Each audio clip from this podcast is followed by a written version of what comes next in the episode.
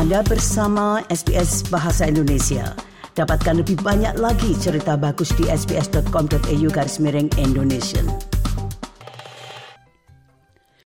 SBS SBS SBS SBS SBS Radio Nah, tidak ada gading yang tidak retak, oleh karenanya kami selalu menantikan saran masukan bahkan kritikan dari Anda semuanya. Dan jika Anda ingin mengirimkannya atau kontak langsung kami ke nomor 0294303135 atau nomor lainnya 0399492208.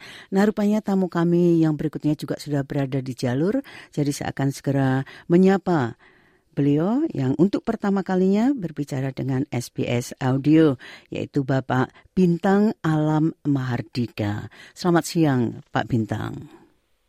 Selamat siang, Bapak. Nah, rupanya saya belum bisa mendengar Pak Bintang. Selamat siang, Pak Bintang. Halo. Pak Bintang, selamat siang. Selamat siang, Ibu. Sekarang lega saya karena tadi saya tidak bisa mendengar. Nah, Pak Bintang, Pak Bintang itu Iya, kan betul. sebagai guru bahasa Inggris ya. Nah, ini untuk Iya, or- betul, iya. untuk orang Mhm. dewasa atau untuk anak-anak itu?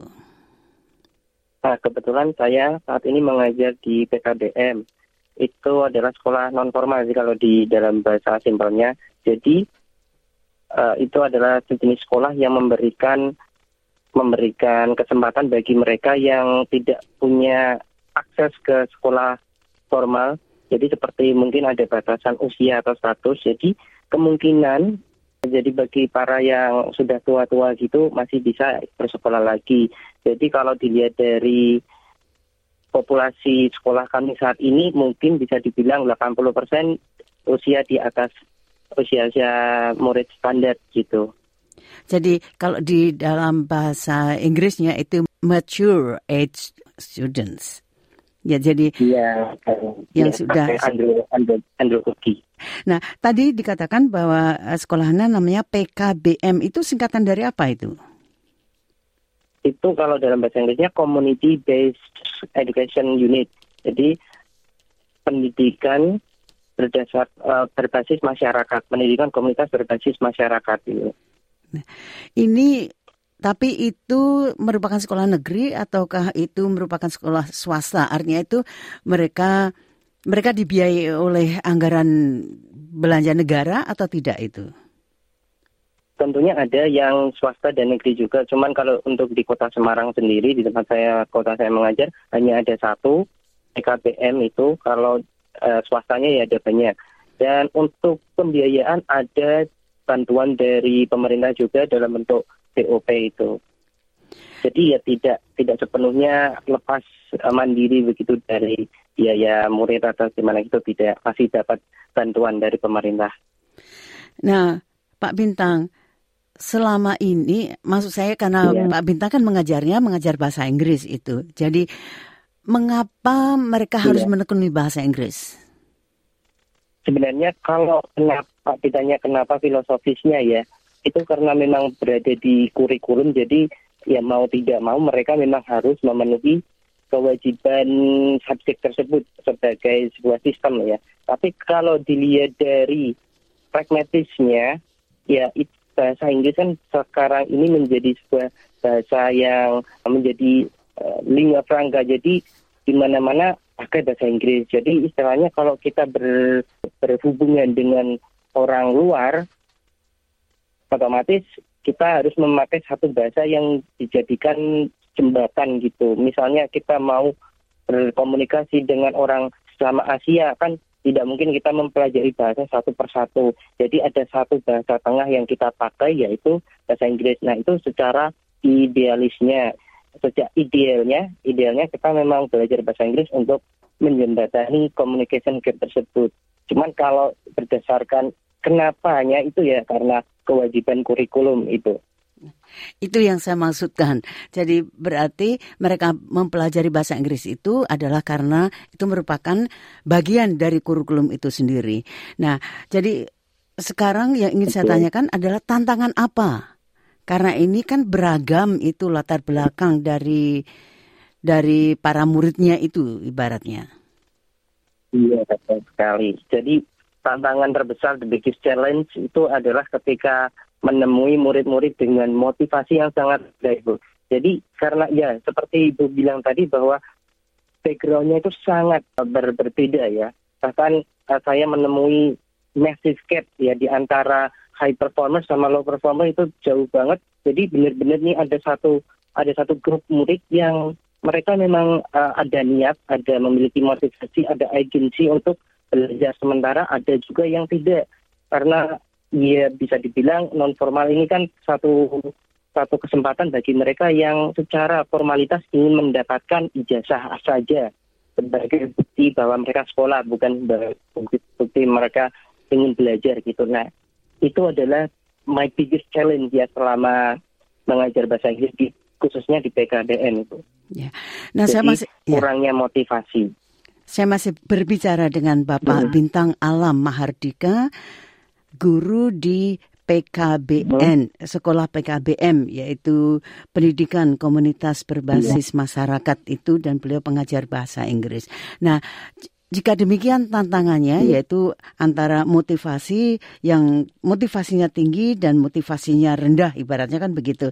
Jadi bagaimana Pak iya. Bintang usahanya untuk mendorong yang mereka yang tidak ber, atau kurang motivasinya itu?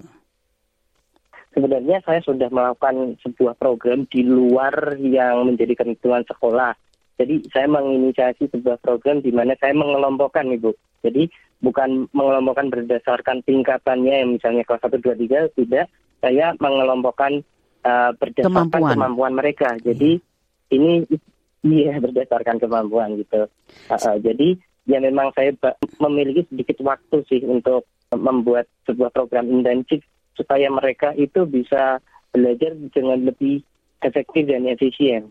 Ya. Sementara kalau untuk pembelajaran biasanya ya saya ambil jalan tengah tetap ya jadi tidak terlalu mengambil yang susah maupun tidak terlalu yang rendah. Jadi masing-masing ini tidak saling membebani begitu. Itu memang suatu tindakan yang bagus ya. Berarti murid-murid yang artinya yang motivasinya itu sangat tinggi tidak akan dirugikan dan mudah-mudahan juga mereka Betul, dapat iya, menggeret itu. Uh, iya, menggeret iya, orang-orang. Uh, mau bilang menggeret gitu. gitu. Atau menarik lah gitu ibaratnya. Nah, Pak Bintang, yeah. satu hal lagi yang ingin saya tanyakan yaitu kalau tidak salah karena Bapak mengajarnya di PKBM itu, nah rupanya Pak Bintang ini juga belum sebagai guru tetap gitu kan ibaratnya ya belum sebagai guru tetap atau dosen tetap atau apa hmm. namanya begitu. Jadi untuk jenjang karirnya sendiri bagaimana itu? Kalau untuk kalau untuk jenjang karirnya saya sendiri secara pribadi memang belum begitu mengetahui secara dalam ibu untuk status kepegawaian di dalam yayasan swasta ya. Kalau di dalam negeri kan ya jelas sudah pasti ada jenjang karir yang jelas. Cuman kalau saat untuk saat ini saya belum begitu memahami untuk jenjang karir atau proses nanti kenaikan pangkat atau seperti itu saya belum mengalami sendiri karena juga saya masih usia saya mengajar di sana masih belum ada tiga tahun ya dua tahun lebih sedikit jadi saya belum tahu dan saya juga belum menemui salah satu teman saya yang naik pangkat atau gimana gitu juga saya belum menyaksikan secara langsung itu. Ya. Maksud saya itu begini loh, kalau orang bekerja itu kan tentunya menginginkan suatu kepastian, itu maksud saya. Jadi walaupun ya. Menaik, mungkin tidak kenaikan pangkat itu dulu, tapi kedudukan itu sendiri itu kan harus pasti, itu maksud saya. Iya, oke. Okay. Jadi apakah selama status ya silakan. Iya, status kepegawaian itu yang saya maksudkan. Status kepegawaian selama ini yang yang sudah umum berlangsung hanya sebatas itu saja sih. Ya diangkat kemudian ada satu sistem yang jadi basis induk data-data guru yang sudah terdaftar itu mereka guru-guru itu dimasukkan ke dalam dapodik data pokok pendidik. Ya jadi selama guru tersebut tidak melakukan hal-hal yang apa ya di luar uh, peraturan atau tidak melanggar sesuatu hal itu mungkin bisa diakomodir atau mungkin bisa bekerja di situ untuk sebagai kepastian juga bisa itu. Karena dapodik itu langsung di bawah di bawah pengawasan dinas-dinas terkait itu. Namun demikian, Jadi kalau kepastian kepastian ya. ya yang saya masukkan ini Gimana? ini kan ada Iya. program apa namanya P3K atau apa itu yang artinya itu kontrak untuk para ya, Iya P3K. itu mungkin dapat diceritakan itu. Oke, jadi P3K itu ada satu mm, perjanjian kerja pegawai dengan perjanjian kerja dengan uh, pemerintah. Hanya saja itu berlaku untuk yang di sekolah-sekolah negeri. Kalau yang di swasta kan tidak ada. Jadi kalau yang di sekolah-sekolah swasta ya kepegawaiannya itu di bawah yayasan. Begitu. Jadi, Jadi kalau P3K iya. sendiri sepertinya ya kalau eh, sejauh pengetahuan saya disetarakan dengan PNS itu kalau di di sini Ibu. tapi berarti nantinya itu guru-guru yang mendapatkan P3K itu akan dapat menjadi PNS itu maksudnya. Iya. Saya tidak mengerti secara pasti ya. Maksudnya apakah ada sebuah jaminan bahwa nanti P3K ini jika masa kontraknya habis akan otomatis diangkat menjadi PNS atau di tengah jalan mau diangkat menjadi PNS karena prestasi atau pengabdiannya saya tidak begitu paham Ibu terkait dengan uh, mekanisme mekanisme kepegawaian ini. Nah, tapi untuk Pak Dika sendiri apa rencananya? Apakah akan menunggu sampai dengan adanya pengangkatan PNS atau akan mengajukan sebagai P3K itu?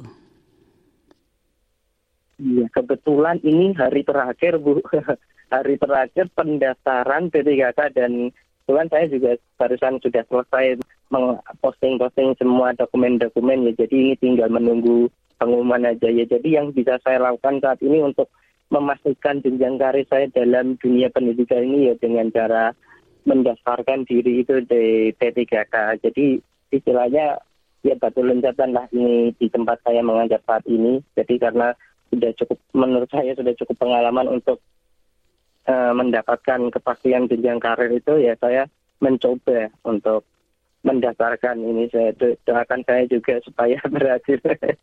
Ya, kami doakan semoga berhasil.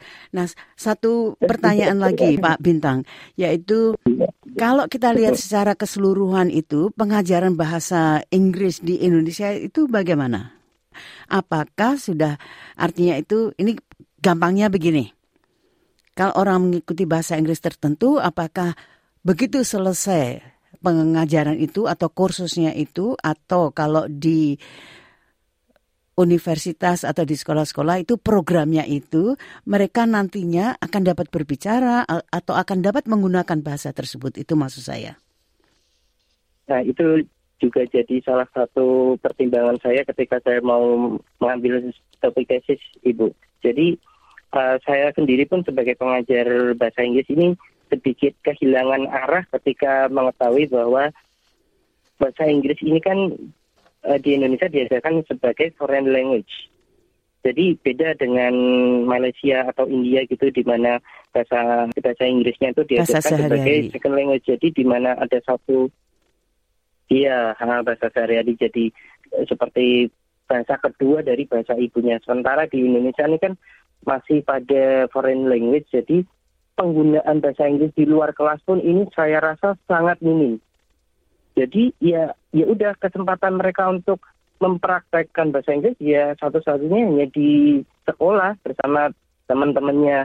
Tapi memang yang saya alami saat ini yaitu sangat kurang sekali dan kemauan murid uh, willingness to communicate-nya itu sangat rendah sekali jadi banyak yang ya istilahnya malu-malu ketika bicara susah atau takut salah begitu jadi kayak kehilangan arah aja jadi kita belajar bahasa Inggris itu sebenarnya mau ngapain sih what next setelah kita mempelajari apa yang harus kita pelajari di dari kelas 1 sampai kelas 3 juga ujung-ujungnya kita nggak pakai juga kan nah itu sebenarnya jadi jadi Jadi hambatan. pemikiran Ya. saya bahan ya. renungan saya Mungkin pendekatannya yang harus di di apa namanya harus diubah itu. Artinya tunjukkan kepada mereka misalnya hmm. kalaupun si Anda tidak melanjutkan ke apa universitas misalnya, tapi kalau kemampuan bahasa Inggris itu ada, kemungkinan itu kan sebagai nilai tambah.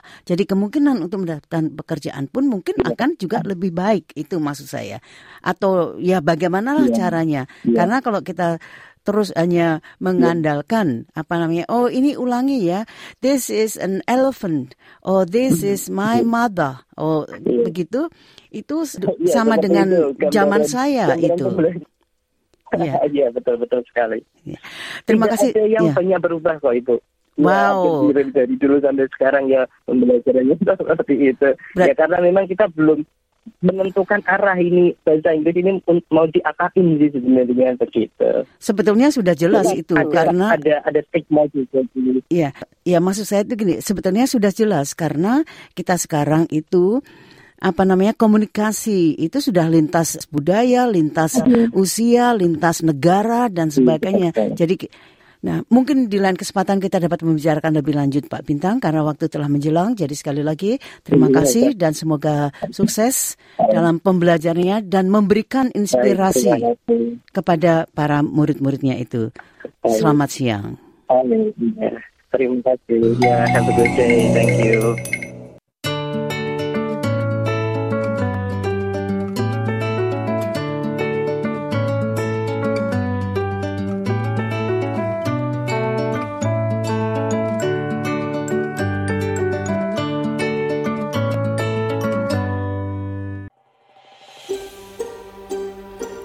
Sukai, berbagi, komentar. Ikuti SBS program Bahasa Indonesia di Facebook.